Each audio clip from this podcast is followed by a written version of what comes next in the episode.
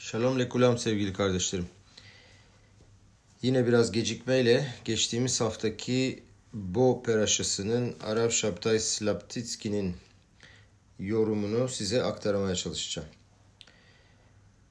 Ee, müthiş bir e, yorum var tekrar. Çok şükür harikulade yorumlar ve harikulade e, pasuklarla e, süslenmiş, bezenmiş Hani e, şöyle hissettim. 43 dakikalık bir e, deraşa bu. Bezrat Haşem ben de o saatlerde bitirmeye çalışacağım ama hani diyorsunuz ki böyle devam ediyorsunuz deraşaya. Böyle bir yere geliyorsunuz herhalde burada bitti. Yok. Bir tane daha.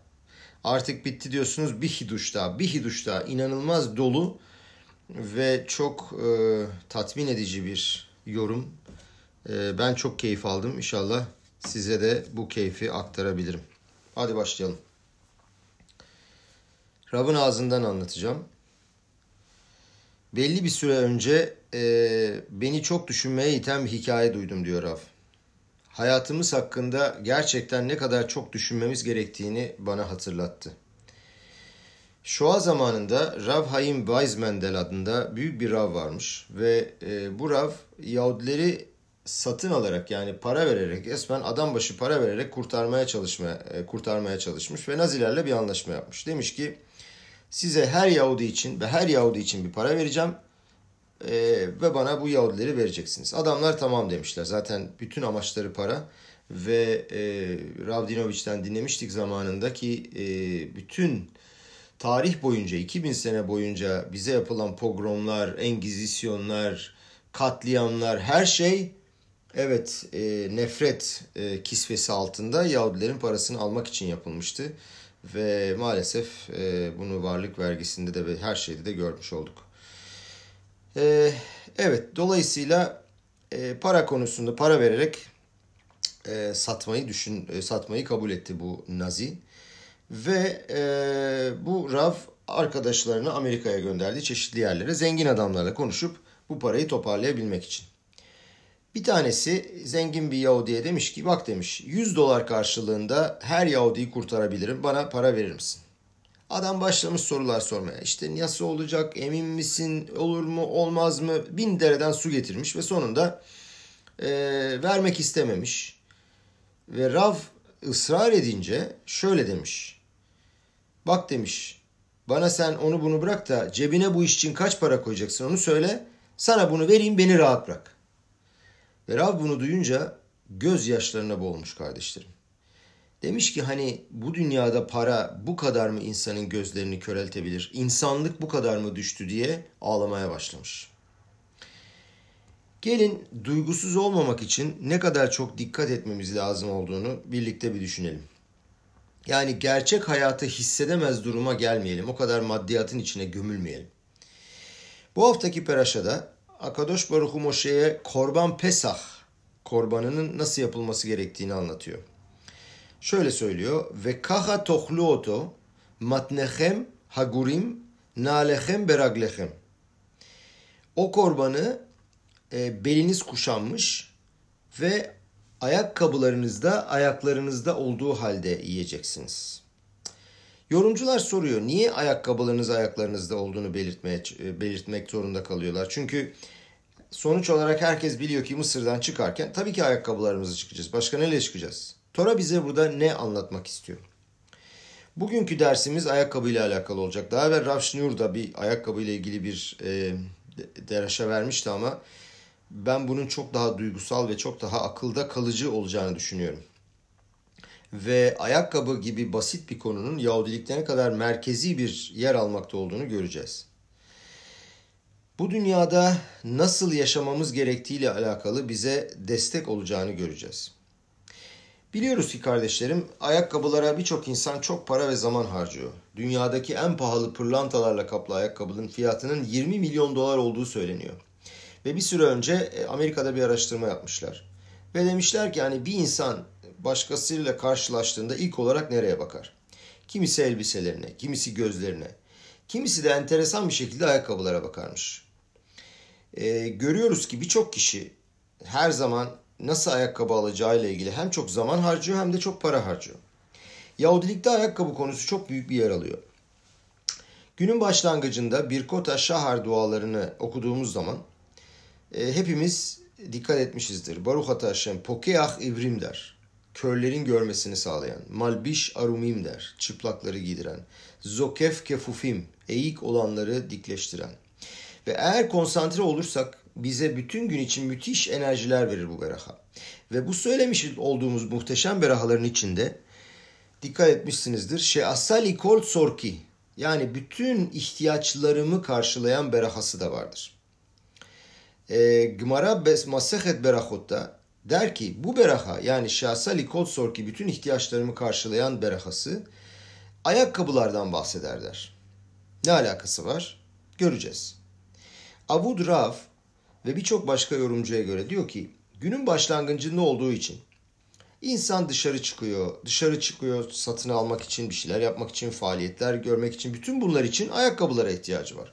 Dolayısıyla diyor bu ihtiyaçlarını görmek için ayakkabılara ihtiyacı olduğu için e, işte bütün ihtiyaçlarımı gideren Şahseli Koltsorki ile ayakkabıları birbirine paralel olarak e, bağdaştırıyorlar e, ravlarımız. Fakat hepimiz bu açıklamada bir takım şeylerin eksik olduğunu hissediyoruz. Basit bir soru şöyle. O zaman madem ki böyle bir şey var niye bana ayakkabıları veren arkadaş baruhu demiyoruz da ihtiyaçlarımı gideren diyoruz. Birinci soru bu. İkinci soru da şöyle. Malbiş arumum dediğimiz vakit, çıplakları giydiren dediğimiz vakit. Hani o giyinmenin içinde ayakkabılar da var. Niye bu berahanın içine bu dahil değil? İkinci soru da bu. Hadi bunu diyelim ki anladık. Ama tüm bunun için, sadece bunun için tüm ihtiyaçlarını gidermek denebilir mi? İnsanın dünya kadar ihtiyacı var. Kişinin geçimle, ailesiyle, mesleğiyle, hayata ulaşmak, hayatında ulaşmak istediği bir takım ideallerle ilgili bir sürü problemi var. Ayakkabılar eninde sonunda bizi dışarıya çıkarmak için gereken bir araç ama ya da e, onu sağlayan bir araç. Bunun için tüm ihtiyaçlarım denebilir mi acaba? Ve enteresan bir şey daha. Biz bu berahayı sadece deri ayakkabılar için yapıyoruz. Yani Tişabeyav ve Kipur gününde hepimiz sinagoglara plastik veya kumaş ayakkabılarla gittiğimizde deri giymeyiz biliyorsunuz. O zaman bu berahayı söylemiyoruz. Yani eğer mesele bunlarla dışarı çıkmama meselesi ise o zaman plastik ve kumaş ayakkabılarla da çıkabilirim. Nedir o zaman buradaki deri ayakkabının manası ve özelliği? Sorulara devam ediyoruz. Ee, bu ravların, habad ravlarının özellikleri bu. Önce soruları soruyorlar, soruyorlar. Ondan sonra cevap veriyorlar. Enteresan bir şey daha görelim. Gımara Masahet Şabat'ta şöyle söylüyor. Diyor ki her zaman kişi evindeki tüm değerli eşyaları ve her şeyini satmalı. Ne için? İyi bir ayakkabı satın alabilmek için. Düşünün. Bundaki mana ne olabilir? Kişi evini satacak, her şeyini satacak. Neymiş? İyi bir ayakkabı almak için. Buradaki mesaj ne? Nasıl olur da ayakkabı evdeki her şeyden daha değerli olabiliyor? Aynı Masahet Şabat şöyle yazıyor. Diyor ki ayakkabısı olan kişiye adam denir. Yani nasıl? Ayakkabısı olmayan kişiye adam demiyor muyuz? Masehet Psachim'de aforoz edilmiş bir kişiden bahsediliyor tefilin takmamış olan, başka bir sürü avera yapan, bir sürü e, günah işleyen kişi. Bölümün sonunda da şöyle diyor Gumara. Ve amonea manalim leraglav. Yani ayakkabıyla yürümeyen kişi. Ayakkabıyla gitmiyor diye nasıl bir günah işleyebilir? Adam diyelim ki o gün kendini sportif hissediyor. istemiyor, rahatlatmak istiyor. Ayakkabısız çıkıyor. Ne olabilir bunda bu kadar kötü? Biliyorsunuz her şeyi derinine incelemek istersek onun köküne kaynağına inmemiz lazım. Gelin bakalım ayakkabı nereden başladı? Ayakkabı konsepti. En büyük poskimlerden, kanun koyuculardan biri olan Magen Avram, Zayit Ranan adında bir kitap yazıyor. Burada 10 tane değişi izah ediyor. Ve acaba ayakkabı konsepti ne zaman başladı diye inceliyor. Adam Arishon günahtan evvel, günah işlemeden evvel Kulotov tamamen iyiydi. Yetser arası kötü dürtüleri yoktu. Dolayısıyla Nahaş yani yılanın onu zayıflatmak ve ona hükmedebilmek için dışarıdan gelmesi lazımdı. Fakat dediğimiz gibi adam Arishon tamamıyla iyiydi. Yine geldik tabii ki her şeyin kaynağı olan Etzadat. Etzadat Tovvera, bilgelik ağacı. İyi ve kötüyü bilme ağacı olarak da anılıyor. Yani iyi ve kötü konsepti o ağaçta bulunmaktaydı. Şimdi adam Arishon kötüyü bilmiyordu. İçinde kötü yoktu. Dolayısıyla ölüm de yoktu. Sonsuza dek yaşayabilirdi. Yani Gan Eden'deydi, cennet bahçesindeydi ve orada ayakkabıya ihtiyacı yoktu. Ne zaman ayakkabı giymeye başladı? Etz Adaat'tan yediği zaman. Yani o zaman ne oldu? İçine kötü girdi. Arzu girdi. Birden ego ve ihtiras, kıskançlık, onur peşinde koymak, agresiflik her şey var. O girdi. Ne zaman? Et sadattan yedikten sonra. Birdenbire bu negatif şeyleri hissetmeye başladı. Bu yüzden de otomatik olarak cennetten çıktı. Belirli bir süreden sonra da bu yüzden dünyayı terk etmek zorunda olduğunun hükmü verildi, kararı verildi. O zamana kadar öyle bir hüküm yoktu. Eğer günahı işlemeseydi e, adam Arishon sonsuza da yaşayabilirdi. Ve ne yaptı? Gan Eden'i terk ettiği zaman ayakkabıyı giydi. Niçin? Akadosh Baruch dedi ki ona Arura adama bavureha. Toprak senin yüzünden mekruh, senin yüzünden lanetli hale geldi. Ne manaya geliyor? Günahtan önce Adam Arishon dediğimiz gibi saf ve yüksek seviyede olduğu için toprak da saf ve yüksek seviyedeydi. Ve yazılı olduğu gibi o zaman bir tohum toprağa indiği anda bitkiler aynı günde yeşerirdi.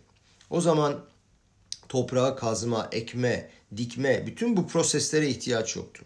Toprak çok daha yüksek bir seviyedeydi. Yani toprak şimdi olduğu gibi fiziksel ve tamamen maddiyat düzeyinde değildi. Adam Arishon günahtan sonra o lanetlenmiş toprağa çıktığı andan itibaren o toprak onu aşağı doğru çekebilirdi. Maddiyata ve fizikselliğe doğru sürükleyebilirdi. Dolayısıyla Kadosh Baruch ne yaptı? Ona ayakkabı giyme fikrini verdi. Burada ayakkabının verdiği mesaj şu. Ayakkabı her birinize diyor ki toprak ile kendi arana bir ayrım koy, bir ara koy, bir efsek koy. Ayaklarını koru. Ayaklarına dikenler ve taşlar girmesin. Sadece fiziksel anlamda değil, ruhani anlamda da girmesin. Yani ayakların sadece maddiyat ve fiziksellik içinde olmasın. Etrafımızda görüyoruz kardeşlerim. E, fiziksel ve maddi dünyanın içine gömülmüş insanlar Betselem Elokim yani tanrısal görüntülerini, Tanrı'nın bir parçası olduklarını unutuyorlar. Ona bağlılıklarını unutuyorlar. Güzelliklerini, hissiyatlarını, duyarlılıklarını, sevgilerini tamamen kaybediyorlar.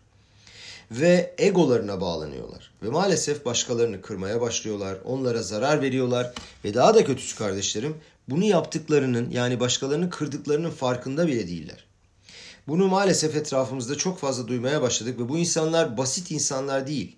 Yüksek seviyede kişiler de bunu yapıyorlar ve çok düşük duruma iniyorlar. Çünkü ayakkabının vermiş olduğu mesajı anlayamadılar.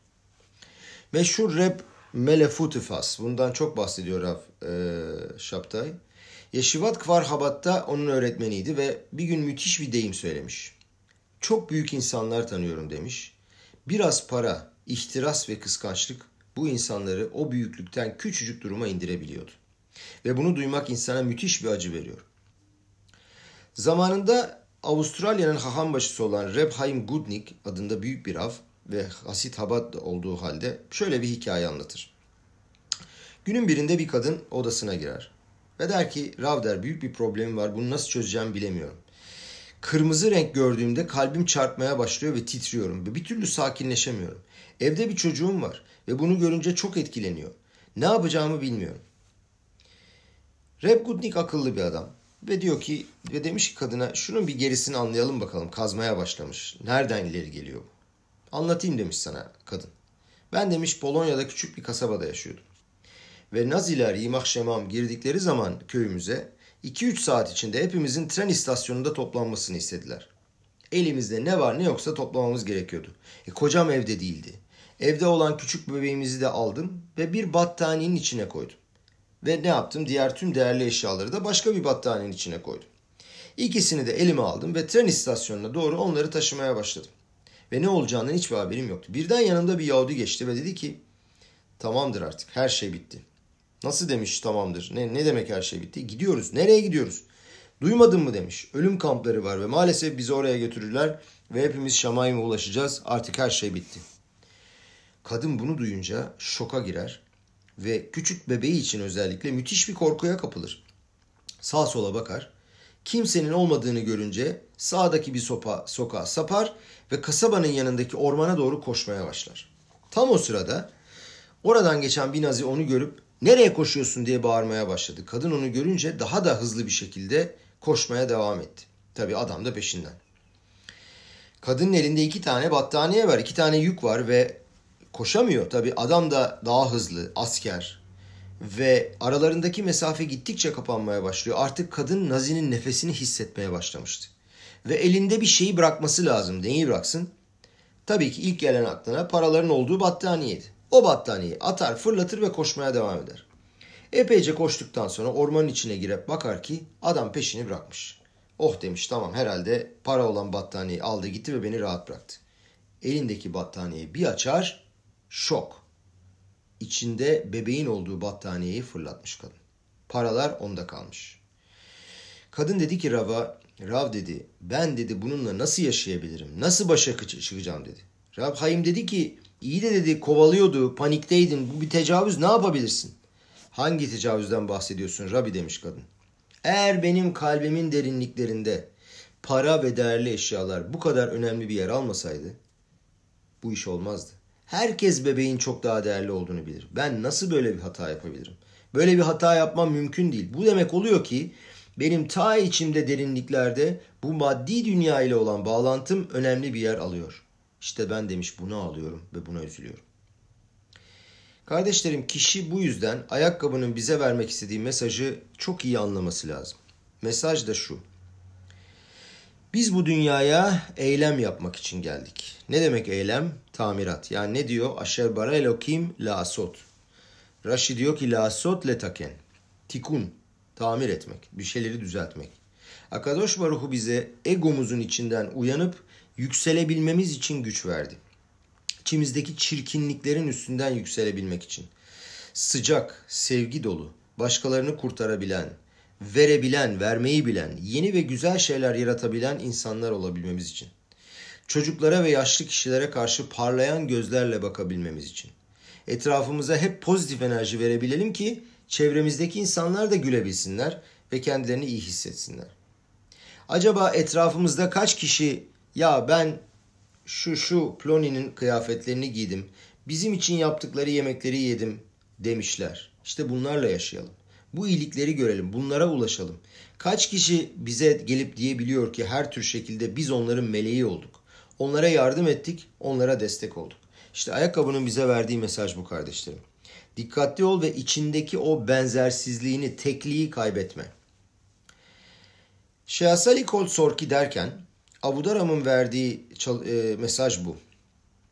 Peki tekrar soruyoruz. Nasıl olur da ayakkabı bana tüm ihtiyaçlarımı verebilir? Bu dünyada dışarı çıkıyorsun ve bir yola çıkıyorsun. Bu dünyada o kadar kötü şeyler var ki seni içine çekebilir. Senin içindeki iyiliği köreltebilir ve yok edebilir. İçindeki maneviyatı ve ruhaniliği de kaybedebilirsin. Ayakkabını giy. Ayakkabının sana vermiş olduğu mesajı kavradığın anda işte ihtiyacın olan her şeyi o zaman elde edebilirsin. Bunu hatırlaman lazım. Dolayısıyla çok enteresan bir şey var. Tüm berahalar hakkında bu Birkota Şahar'da okuduğumuz berahalar içinde hep şöyle diyoruz. Hep çoğul şahızda söylüyoruz. Malbiş arumim, çıplakları gidiren. Zokef kefufim, eğik olanları. Ama şeasali kol sorki dediğimiz vakit şeasali, benim ihtiyaçlarımı gideren diyoruz. Yani tekil şahısta söylüyoruz. Niçin? Mesaj şu kardeşlerim. Sen kendin bu mesajı anlayabilirsin ve içselleştirebilirsin. Sen kendi ihtiyaçlarının ve gücünün ne olduğunu kendin anlayabilirsin. Ayakkabıların sembolize ettiği şey bu. Bir şey daha var. Tüm berahalar şimdiki zamanda kullanılır. Malbiş arumim, zokefke fufim, matira surim hepsi şimdiki zaman. Burada diyorsun ki şeasali kolt sorki geçmiş zamanda yani benim ihtiyaçlarımı gidermiş olan diyorsun. Peki nedir bu ihtiyaçlarımı dediği hani niye geçmiş zamanda söylüyor? Aşem şöyle diyor kardeşlerim. Seni yarattım. Sana bu gücü verdim. Senin bunu yenilemen gerektiğini düşünme. Bu zaten senin içinde var. Senin genlerinde, DNA'nda mevcut. Bu toprağın üzerinde olabilme ve kendini topraktaki maddiyattan ayırabilme gücü sende var. Toprağa hükmedebilmek, ve sende bu gücün olduğunu, bu gücün genlerinde olduğunun farkına varmak. Şey Asali Kolt Sorki denen büyük güç, muhteşem güç işte bu. Gelin enteresan bir şey daha görelim. Aşle Hakadoş fotoğrafı şöyle tamamlıyor. Diyor ki kişinin ruhu bu dünyaya geldiğinde bu dünyada nasıl davranması gerektiğini öğrenir. Aşre Hakadoş burada bir noktaya daha değiniyor. Diyor ki biliyoruz ki diyor yaratılış dört dörde bölünür. Domem yani cansız maddeler, taş, kaya, toprak gibi. Tsomeach, bitkiler, topraktan yeşerenler. Hay, hayvanlar. Bir de medaber, konuşabilenler yani insan. Aşle Hakadosh ve Gaomi Vilna şöyle diyor. Domem yani cansız maddeler tsomeach tarafından kullanılır. Yani bitkiler tarafından kullanılır. Bitki cansız varlığı kullanarak onu yeşertir ve can verir. Hayvan ise bitkiyi kullanır. Adam hayvanı kullanır. Bu demek oluyor ki her biri başka bir şey kullanıyor. Bitki toprağı, hayvan bitkiyi, adam da hayvanı kullanıyor. Tora diyor ki sen diyor ayakkabıyı giydiğinde dünyanın kralı olduğunu hissetmen lazım. Ayakkabının üzerine basıyorsun. Onun üzerinde yürüyorsun. Yani hayvanın derisinin üzerine basıyorsun ve bunun bilincinde olman lazım. Yani sen dünyanın kralısın ve dünyaya hükmettiğini hissetmen lazım. Yeni şeyler yaratman lazım. Fakat burada düşünmemiz gereken bir nokta daha var. İnsan sadece hayvanı kullanmıyor. Sadece ona hükmetmiyor. Aynı zamanda bitkiye ve cansız varlıklara ve toprağa da hükmediyor. Biliyoruz ki insan hem hayvan hem bitki hem de cansız varlıklarla ilgili yapmış olduğu bir sürü şey var. Niçin plastik veya bez, deri olmayan ayakkabılar kullandığım zaman tüm ihtiyaçlarımı gideriyor şey asali koltsorki demiyorum. Aslında o maddelere de hükmediyorum. Onların da patronu benim. İşte burada muazzam bir nokta var kardeşlerim. Tora'nın ne kadar kesin ve kusursuz olduğunu anlıyoruz. Biliyoruz ki Tanrı Adam Arishon'a sadece bitkilerden yemesine izin vermişti. Canlı hayvan yemesi yasaktı. Tufandan sonra Tanrı adama canlı hayvan yemesine izin verdi. Belki de bu zamanlarda bir sürü insanın işte tivoni yani e, e, sadece bitki ve sadece e, nasıl derler e, vejeteryen olmaya izin vermesi belki köklerimize dönmekle alakalı diye düşünüyorum. Çünkü et gerçekten vahşi bir şey. Hepimiz seviyoruz ama böyle yani. E, tufandan sonra Tanrı adama canlı hayvan yemesine izin verdi. Yorumcular soruyorlar. İyi de niçin önce öyleydi de sonra böyle oldu? Nedir bundan almamız gereken mesaj? Bala İkrim şöyle diyor. Tufanan, tufandan önce hata yapan kişilerin kökünde ne vardı? Çünkü onlar için canlı hayvan yemek yasaktı. Ne demek canlı hayvan yemek yasak? Bu aslında insanın da bir tür hayvan olduğunun işaretiydi. Doğru ya. O da yiyor. O da nefes alıyor. O da yürüyor. Her ikimizde de bu özellikler var. İnsan sadece biraz daha tekamül etmiş. Biraz daha akıllı, bilgili. Fakat sonuç olarak biz de bir hayvanız. Bundan başka bir sonuca daha vardılar. Canlı hayvanı yemek yasak olduğuna göre yani Tanrı insan ve hayvanı aynı seviyeye koyduğu için, hayvanda içgüdü olduğu için ve içgüdülerine göre hareket ettikleri için onların serbest seçim kabiliyetleri yoktur. Yani eylemlerinden sorumlu değillerdir. Yani ona nasıl davrandın bunu nasıl yaparsın diye kızamazsın. Çünkü bilinçli değil. Aynı şekilde demişler. Bizim de seçme şansımız yok. Biz de robotuz. Bizim de içgüdülerimiz yok. Eğer seçim şansımız yoksa o zaman ne ceza var ne ödül. İyi ve kötü de yok. İşte tufan döneminin insanlarındaki hatanın ilerleyiş süreci böyle başlamış ve buradan yola çıkarak gelişmiştir ve onlar da maalesef hiçbir kural, hiçbir şey tanımadan içgüdüleriyle hareket edip el işlerine ne geldiyse onu yapmışlardır. Şimdi anlaşılıyor. Zaten şey de denir. O zamanlar hayvanların e, kolunu bacağını koparıp canlı yedikleri de söylenir. Şimdi anlaşılıyor niçin sadece hayvan derisinden yapılmış olan ayakkabıya bastığımız vakit, sadece onu giydiğimiz vakit tüm ihtiyaçlarımızı karşılayan diyoruz. Şehasali Kolsorki. Tüm amaç senin hayvan olmadığını hissetmek. Yani toprak olmamak veya bitki olmamak. Bunu bilinçli bir şekilde hissedebilmek kolay. Bu kimsenin aklına bile gelmez, düşünmez fakat sen hayvan olduğunu düşündüğün zaman ki maalesef öyle oluyoruz. Ve e, bunun da bir örneği şu. Bugün birçok kişi tanıyoruz diyor Rav. Bali. Niye böyle yapmıyorsun? Bali. Böyle istiyor. Canım böyle istiyor. Ben buyum. Kişinin hareketlerine hakim olabilmesi için bir seçimi olmadığını iddia eden psikologlar bile var diyor Rav. Her şeyin içgüdü olduğunu söylüyorlar. Her şeyin sebebi çevrenin etkisi. Yaptığın eylemlerden sen sorumlu değilsin diyenler var. Tanrı korusun. Bu şekilde düşünenler Bu dünya görüşüyle hayatlarına devam edenler başkalarını öldürebilirler.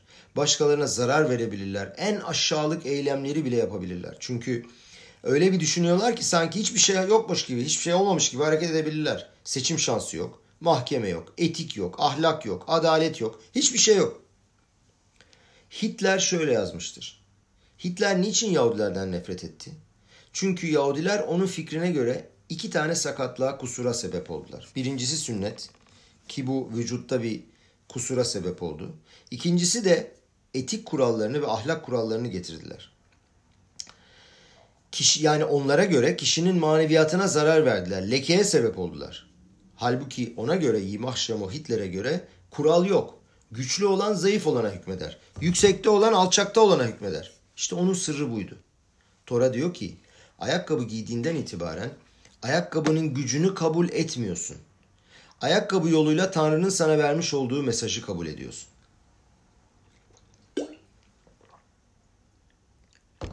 Şenatan Nikol Sorki Bana tüm ihtiyaçlarımı verdi. Neye ihtiyacım var?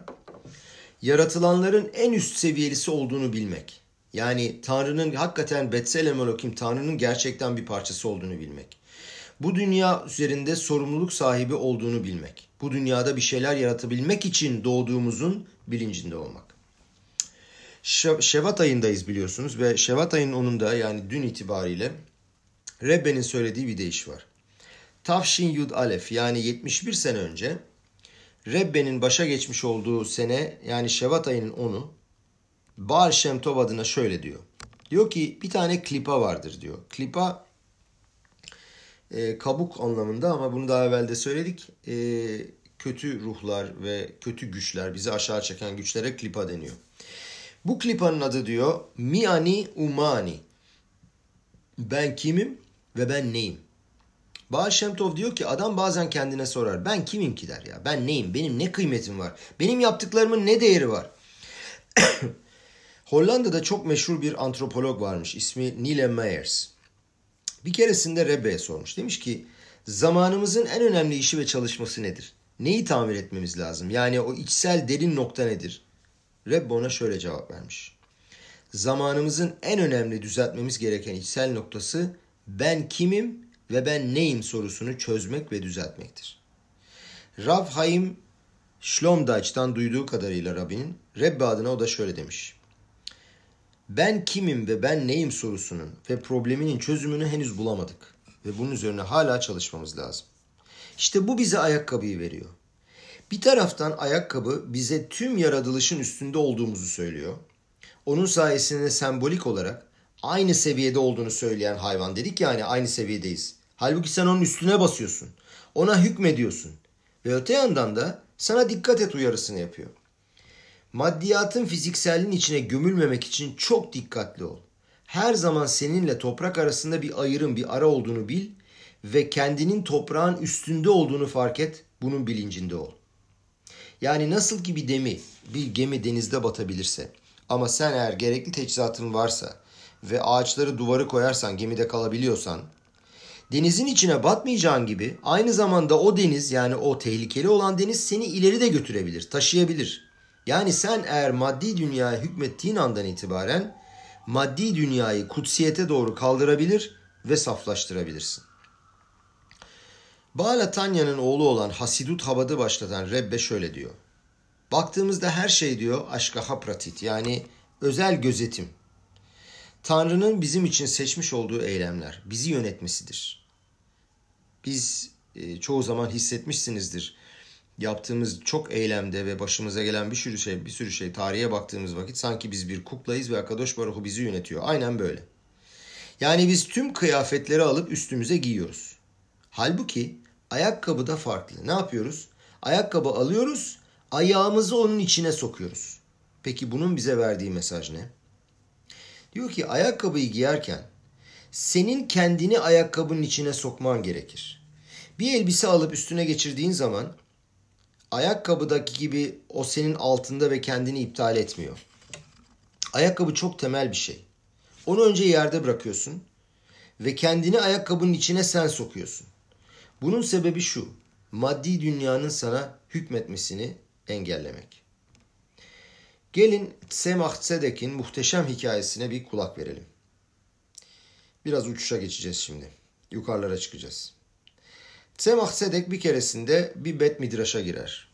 Hasidler orada oturup Tora öğreniyorlardı ve sorar. Der ki ne duymak istiyorsunuz, ne öğrenmek istiyorsunuz bugün? Tora mı? Mamar Hasidut mu ya da Sipur mu? Tabii ki bütün hasitler Sipur dediler. Sipur istiyoruz. Ve adam Sipur'u anlatmaya başladı. Der ki adamın birinin bir oteli varmış. Ve bu oteli başka birisine kiralamış. Kiracı da bu kirayı ödemek zorunda tabii. Birinci sene ödemiş. Fakat sonra bir iki sene, bir sene ödemeye başlamış. İki sene geçmiş. Adam bakmış bu iş olmuyor. Gitmiş Rab'a danışmış. Demiş ki ya böyle böyle bu adam ödemiyor ne yapayım? Çıkaracağım bu adamı demiş. Rab rica etmiş. Yapma demiş. Merhamet et. Bir fırsat ver. Adam ailesi çocukları var demiş. İdare et. Peki demiş bir sene daha kalsın. O senede yine ödememiş. Bir daha Rab'a gitmiş. Rab demiş yine bak yapma etme merhamet et demiş. Üçüncü sene artık bir daha Rab'a gitmemiş. Ödemediği takdirde onu almış ve kovmuş. 120 sene sonra bu e, kiralayan adam gökyüzüne çıktığında mahkemede sormuşlar ona. Demişler ki sen bu adamı nasıl atarsın? Adam da cevap vermiş. Ya ben demiş parayı ödemedi ben de attım. Ama Rab sana atmamanı, vazgeçmeni, merhamet etmeni söylemişti. Nasıl atarsın adamı? Adam onu yargılayan meleklere şöyle demiş. Siz demiş paradan ne anlarsınız? Siz bu parayla ilgili olan Yetserara'dan demiş ne anlarsınız? Ben demiş sizin beni yargılamanızı kabul etmiyorum. Beni bu dünyada yaşamış olan insanlar yargılasın demiş. Hemen Bet Yosef, Bach ve Taz getirmişler. Onlar işte daha evvel dünyada yaşamış sonra yukarı çıkmışlar. Beddin'e onları oturtmuşlar. Bu Beddin'de demiş ki o kiracının kovulması yasak nasıl atarsın o adamı demiş. Yargılanan adam tekrar itiraz etmiş. Siz demiş artık ruh oldunuz, neşame oldunuz. Çoktandır demiş burada cennette yaşıyorsunuz. Bu dünyada olup bitenin nasıl bir şey olduğunu unuttunuz. Para, arzular, kızgınlık nedir bilmiyorsunuz. İnsanlara neler yaptıracağını unuttunuz demiş. Semah Sedek bu, bu hikayenin bu kısmında durmuş ve hasitlere sormuş. Siz ne diyorsunuz demiş. Adam haklı mı değil mi demiş. Hasitler bu e, Semah Sedek'in verdiği ipucundan ne demek istediğini anlamışlar. Onlar kararı Semah Sedek'e getirmişlerdi. Yani onun karar vermesini istiyorlar. Ve Semah Sedek dedi ki haklı, haklı ve haklı. Ve bu şekilde Semah Sedek'in verdiği karara göre yukarıda karar verildi.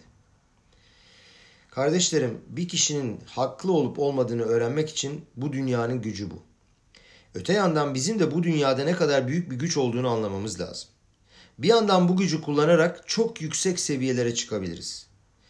Bir atla çok güzel fevkalade yerlere gidebileceğimiz gibi öte yandan eğer at bana hükmederse felakete yol açabilir. Bizim şehrimizde diyor Rav, Belçika'da, Anvers'te kızına damat arayan bir adam varmış. Ona bir genç tavsiye etmişler. Bu avantajlarından bahsederken işte genç şöyle çocuk böyle çocuk derken aile demişler. Çok zengin çocuğun da çok parası var. Bunu duyunca adam şöyle güzel bir cümle söylemiş. Ben demiş parası cebinde bulunan bir adam arıyorum. Parası cebinde olsun. Paranın cebinde bulunan adam aramıyorum. Paranın esiri bir adam aramıyorum. Tora Bereşit kitabında başlangıçta büyük bir sadik olan Hanoh'tan bahseder. O Hanoh ki Akadosh Baruhu onu 350 yaşında sanıyorum dünyadan aldı. E, sadik bir şekilde hata yapmadan aldı. Bu kadar muazzam bir sadikmiş. Midrash şöyle yazar Hanoh üzerine. Hanoh tofer manalim haya ve akol tfira ve tfira haya meyahet kutşa birhi uşrinate. Ve cevap vermişler Baruch Shem Kvod Malchuto Leolam Bayet. Ne demek tofer manalim? ne demek her dikişte kutşa berihu Baruch Shem? Şöyle basit bir şekilde anlatayım size. Ee, anladığım kadarıyla tabii. Hanoh e, ayakkabı dikermiş. Ve e, bu burayı anlatmadan evvel e, size Rav Haim Dinovich'in Hanoh'la ilgili söylediği bir e, küçük sipuru araya sıkıştırmak istiyorum müsaadenizle. Hanoh e, o kadar e, müşterinin yapmış olduğu e, müşterilerine yapmış olduğu ayakkabılarının kaliteli olmasına dikkat edermiş ki şöyle bir beraha verilmiş müşterilerine. İnşallah bu yaptığım ayakkabı sana sonsuza kadar devam etsin ve hizmet etsin. Yani hiçbir şekilde kendini ve e, ticaretini ve bir daha gelip başka ayakkabı almasılarını istemez istemezmiş. Sadece ayakkabıyı yaptığı adamın bu işten hayır görmesine, bu işi, bu ayakkabıyı sonsuza kadar kullanmasını istermiş. O kadar iyi bir adammış. Ve e, burada hani onu da bununla birleştir, birleştirirsek Tofer Menalim yani her bir dik, yapmış olduğu dikiş Kutşa Brehu yani Akadosh Baruhu'nun isminin kutsanması üzerine yaparmış. O kadar dikkat edermiş. O ayakkabının ne olduğunu biliyormuş ve her noktasının önemini biliyormuş. Tanrı'nın kral olduğunu, Tanrı'nın krallığını ilan ettiğini, Tanrı'nın büyüklüğünü ifade eden ayakkabının o noktasının bilincindeymiş. Ve ayakkabının bu dünyayla yüksek dünyaları birleştirebilen özelliğinin de farkındaymış. Bir zaman önce itvadut yaparken önce uzak olan ve daha sonra Yahudiliğe baklaşan bir genç varmış. Ve bu genç kalbini açmış. Demiş ki Rav demiş ben bazen başarılı oluyorum, bazen düşüyorum, sonra tekrar başarıyorum. Nedir bu mücadele demiş, bu savaş ne? Ne olur bana anlat demiş. Rav da bakmış ki giydiği ayakkabılar çok iyi, çok güzel. Demek ki demiş bu adam ayakkabılara dikkat ediyor. Ona ayakkabıyla ilgili bir e, spor anlatayım diye e, karar vermiş. Bir önceki Rebbe olan Friediker Rebbe'nin bir hikayesini anlatmış. Baal Atanya şöyle anlatır. Baal Şemtov Simhat Tora'nın Simhat Tora'nın önemini anlatan bir anlatımı da şöyle demiş. Simhat Tora'da sabah tefillasına biraz geç başlanır. Bunun sebebi ne? Bir önceki gece akafotlar yapıldı. Herkes e, akafot dediğimiz e, sefer toraları e, alıp e, dans etmek, e, tevanın etrafında dönmek. Yani çok yorgun, çok argın bir şekilde eve gelinmiş. Bayram sofrası tabii yenilmiş, içilmiş. E bu kadar yorgun olunca da sabahki duaya biraz daha geç başlanırmış. Göklerdeki melekler de şarkı söylerler kardeşlerim. Yani biz ama biz burada bir fark var. Biz burada dünyada şarkı söylemedikçe onlar yukarıda şarkı söylemezler. Bu mesajı çok iyi anlamamız lazım. Yani biz sinagoga gelip odul Haşem demedikçe onlar bizi beklerler. Biz başladığımız vakit onlar da başlarlar. Yani bilmemiz lazım ki bizim duamız göklerde büyük gürültü ve etki yapıyor. Biz onları duymuyoruz fakat bizim bu dünyada yapmış olduğumuz dualar yukarıda müthiş bir etki ve gürültü çıkarıyor. Harikulade. Melekler bir önceki gece bizim gibi dans etmediler Simchat Tora'da ve yorulmadılar. Dolayısıyla ne yaptılar? Sabah duasına zamanında geldiler. Ve her gün geldikleri gibi Am İsrail gelip dua etsin diye beklerler ama bir bakarlar ki hiç kimse yok. E ne yapacaklar? Onlar da cenneti düzenlemek için Ganeden'e giderler. Ve Baal Şemtov der ki, melekler orada yırtık ayakkabılar buldular. Nalaim Kruot.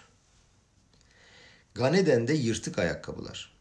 Bu kadar kutsal bir yerde ne işi var bu yırtık ayakkabıların? Tanrı'nın ismini kirletiyorlar. Gidip melek Mihail'e sorarlar. Mihail melek, İsrail halkını seven Hesed özelliğine sahip bir melektir. Sorarlar, ne arıyor bu yırtık ayakkabılar burada derler. Mihail onlara der ki, onlar benim malım. Niçin onun malları olsun? Ne yapıyor Mihail bu şeylerle, e, yırtık ayakkabılarla? İsrail halkının, Am İsrail'in Simhat Tora'da kuvvetli bir şekilde dans ettikleri ayakkabıları alırım ben dermiş. Bu ayakkabıların nereden geldiğini izah etmiş. Bak bu Mezriç'ten, bu Krakow'dan. Ben demiş Matat melek gibi, Malah Matat gibi değilim. Malah Matat da yine çok önemli meleklerden bir tanesiymiş. Ve bu melek Akadosh Baruhu'ya İsrail halkının dualarını toplayarak bir taç yaparmış ve sunarmış. Mikael demiş ki Melah Mikael ben bu yırtık ayakkabıları alıyorum ve bunları kullanarak Tanrı'ya bir taç yapıyorum. Bunları kullanarak İsrail halkının dualarından çok daha yüksek seviyede bir taç elde ediyorum. Neden? Çünkü bu ayakkabılar Yahudiler ayaklarında Simhat Tora esnasında sevgiyle ve coşkuyla dans ederken yırtılan ayakkabılar. Hani bazen yargı kitabını kucaklarına alıp dans eden avukatlar görmez miyiz? Hakimler dans ederler. Biz de Tora'yı alıp onunla seviniyoruz. Burada Rebbe çok enteresan bir soru soruyor. Niçin özellikle yırtık ayakkabılar? Hani akafotlar esnasında biliyorsunuz o kargaşada bazen gömlekler, ceketler de yırtılır. Şapkalar yere düşer, ezilir. Niye ayakkabılar Ribono Şelolam? Niye ayakkabılar? Niçin sit sit değil? Rebbe şöyle izah eder. Herkes anlar ki der. Şapka ruhani şeyler için kullanılır ve onlara aittir. Şapka insanın kafasını örter. Sitsit ise kıyafetler kişiyi örter. Leitatef. envelope yani zarf, leitatef. Kişiyi örter ve kişinin açığını kapatır. Bununla birlikte bunları giyerek bunlara Tanrı'ya e, çalışma yaparsın diyor. Halbuki ayakkabının tüm amacı dikenlerden ve taşlardan ayağı korumak. Aynı zamanda ruhani dikenlerden ve taşlardan da korumak. Yani bize zarar veren klipalardan da korumak.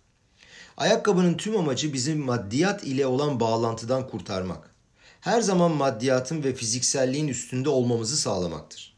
Evet maddiyatı kullanalım fakat onların üstünde olalım. Maddiyat bize hükmetmesin. Fizikselliğin bizim üstümüze çıkmasını engelleyelim. Maalesef bazen kişi bunu başaramaz. Bazen ayakkabılar yırtılır. Bazen düşeriz ve kötü dürtüler yetzerara bize hakim olur. Bazen maddiyat kafamızda çok üst noktalara çıkar ve bizim kafamızı karıştırır. Ve haz ve halila her zaman başarılı olamayız. Ama Akadosh Baruhu diyor ki ben o yırtık ayakkabıları da istiyorum.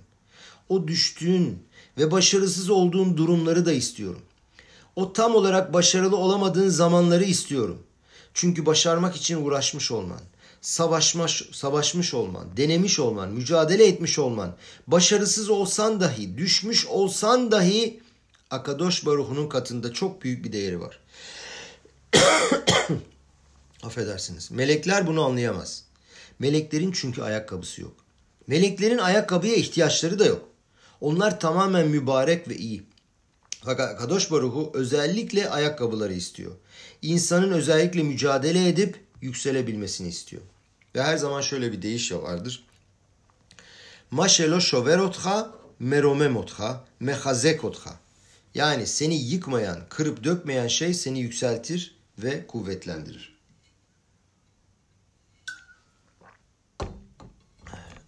Şöyle bir deyiş daha var. Bu deyiş hem Şiraşirim'de hem Tora'nın başka yerlerinde de geçiyor anladığım kadarıyla. Araştırdım, şöyle buldum. Mayafu pamayih banealim. Bu Şiraşirim'de geçiyor. Oradaki bulduğum basit anlam şöyle. Ayakkabıların içinde ayakların ne kadar güzel. Ya bunu geçişli olarak da e, anlayabiliriz. Ha, ayakkabıların ne kadar güzel, ayakların ne kadar güzel diyebiliriz. Diyor ki Rav, Am İsrail Betamiktaş'a gittiklerinde bu cümleyi söylemişler. Tora burada ne demek istiyor? Ribi Yehuda diyor ki Akadosh Baruhu diyor ayakkabıları güzel olduğu için iltifat edecek. Akadosh Baruhu e, İsrail halkına ayakkabıları güzel olduğu için mi iltifat edecek? Bundan daha da anlaşılmaz olanı şu. Diyor ki onlar Betamiktaş'a gidiyorlar ve normalde Betamiktaş'a ayakkabılarla girilmez. Yasak. Niye yasak? Nasıl ki Moshe Rabenu Sne çalılığa, yanan çalılığa gittiğinde Akadosh Baruhu dedi ki burası kutsal bir yerdir ayakkabılarını çıkar dediği zaman buradan anlaşılıyor ki kutsal bir yerde ayakkabı giyilmez. Sebebi de şu. Ben kutsal bir yerle yani kendimle toprak arasında herhangi bir şey olmasını istemiyorum. Efsek ayrım olmasını istemiyorum. Kutsal, bir daha söylüyorum kutsal bir yerde. Betamiktaş gibi, Mişkan gibi. O yerde kendimi iptal etmek istiyorum. Oraya gerçekten bağlanmak istiyorum. Oradaki kutsiyeti içime çekmek istiyorum. Dolayısıyla Betamiktaş'ta veya Yanançalı'lıkta veya Mişkan'da ayakkabısız dolaşırlardı. Çünkü orada o kutsiyetle olan bağlantıyı istiyorum. Fakat burada Akadosh Baruch Am İsrail'i övüyor çünkü diyor ki Betamiktaş'a yürüyerek çıkarlarken ayaklarında ayakkabı vardı. Ama görünürde önemli olan ayaklarındaki ayakkabı değil. Önemli olan çıktıkları yer aslında. Betamiktaş'a çıkıyorlar. Kutsal mübarek yer orası. Ve elinde sonunda girerken de ayakkabısız giriyorlar. Ama Akadosh Baruhu diyor ki hayır. Betamiktaş'a gitmeleri, yürümeleri benim için daha önemli. Betamiktaş'a girdiğin zaman zaten diyor kutsiyeti hissediyorsun. Göklerden inen ateş, mucizeler, her gün orada yapılan 10 tane mucize, yapılan korbanlar zaten etkileniyorsun. Fakat Akadosh Baruhu için daha önemli olan diyor ki o yolda yürümek yukarı doğru çıkmak. İçinde şüphelerin var, endişelerin var, challenge'ların var. Kafanda evini ve işini bırakmışsın, tarlanı, hayvanları terk etmişsin. Onlara ne olacağını bilemiyorsun. Ama bütün bunlara rağmen bunlarla başa çıkıp yukarı çıkman ve yürümen Akadosh Baruhu için çok önemli. Çünkü burada uğraşıyorsun, çare arıyorsun, başa çıkmaya çalışıyorsun. Dolayısıyla Tanrı Betamiktaş'a girmelerini değil, oraya yürüyerek gitmelerini övüyor. Gelin enteresan bir şey daha görelim. Dediğim gibi çok konsept var. Gelecekte ne olacak onu bir görelim. Herkes sorar. Beatit Lavo Maşiyah geldiği zaman özellikle de Tihiyat Ametim ölülerin dirilişi olduğu zaman ne olacak acaba? Göründüğü kadarıyla, anlaşıldığı kadarıyla ortam Beta Miktaş'ta olduğu gibi olacak. Yani her şey kutsiyet olacak. Dolayısıyla Akadosh Baruhu senin yüzünden toprak lanetlendi hani dersin başında dediğimiz demiş olduğu söylem artık geçerli olmayacak. Çünkü artık toprak lanetli olmayacak. Birinci aşamada bile yani ilk Maşiyah geldiğinde tehiyat ametime gelmeden bile e, kişi sanki günah işlemeden önceki olduğu gibi olacak. Adam Erişon'un olduğu gibi olacak diyor. Hadi ölülerin dirilişinde çok daha yüksek bir seviyede olacak. Dolayısıyla ayakkabılarla gitmek zorunda kalmayacaklar artık. Çünkü toprak artık mübarek olduğu için yalın ayak basmak mübah olacak ve daha değerli olacak. Yeşaya o da Pesah'ta yazılı, e, Pasuk'ta yazılı olmak üzere diyor ki ve enif et yado elanar ve hikau le şivan ehalim ve idrih ben alayim. Elini nehrin üstüne kaldıracak, onu yedi tane dereye bölecek ve ayakkabılarla gidecekler. Yine ayakkabı. Niçin ayakkabılar? Esas nokta burada kardeşim, kardeşlerim. Gelecek zamanda Beatit Lavo dediğimiz vakit Akadosh Baruhu senin ayakkabılarını görmek isteyecek. Maşiyah'ın gelmesine sebep olan bizim o vermiş olduğumuz mücadele ve isteği sembolize eden ayakkabılarımızı. Onun sayesinde bu geldiğimiz yere geldik. Tüm bu gelecekte olacak olanlar Beta Miktaş, Maşiyah, Tihiyat Ametim bunların sayesinde olacak. O verdiğimiz uğraşlar sayesinde olacak. Bu bizim için çok önemli bir mesaj. O bir taraftan hani ruhani şeylerle uğraştığımızda, mitzvalar yaptığımızda, sinagoglarda dua ettiğimizde, bet midraşlarda Talmud Torah önerirken kendimizi çok iyi hissederiz. Her şey yolunda deriz. Deriz ama asele hasatan milifaneynu ve miahoreynu. Yani satan hem şeytan hem önümüzde hem arkamızda duruyor. O yüzden çok dikkat etmemiz lazım. O yükseldiğimiz zamanlar bile arkamızda köşede bizi ne beklediğini bilmemiz lazım. Öte yandan ayakkabılarımız yırtılsa bile Tanrı korusun başarısız olacak olsak dahi hatırlamamız gereken şey şu. Gelecek dünyada Tanrı'nın istemiş olduğu bizim bu kullandığımız yırtık ayakkabıları görmek.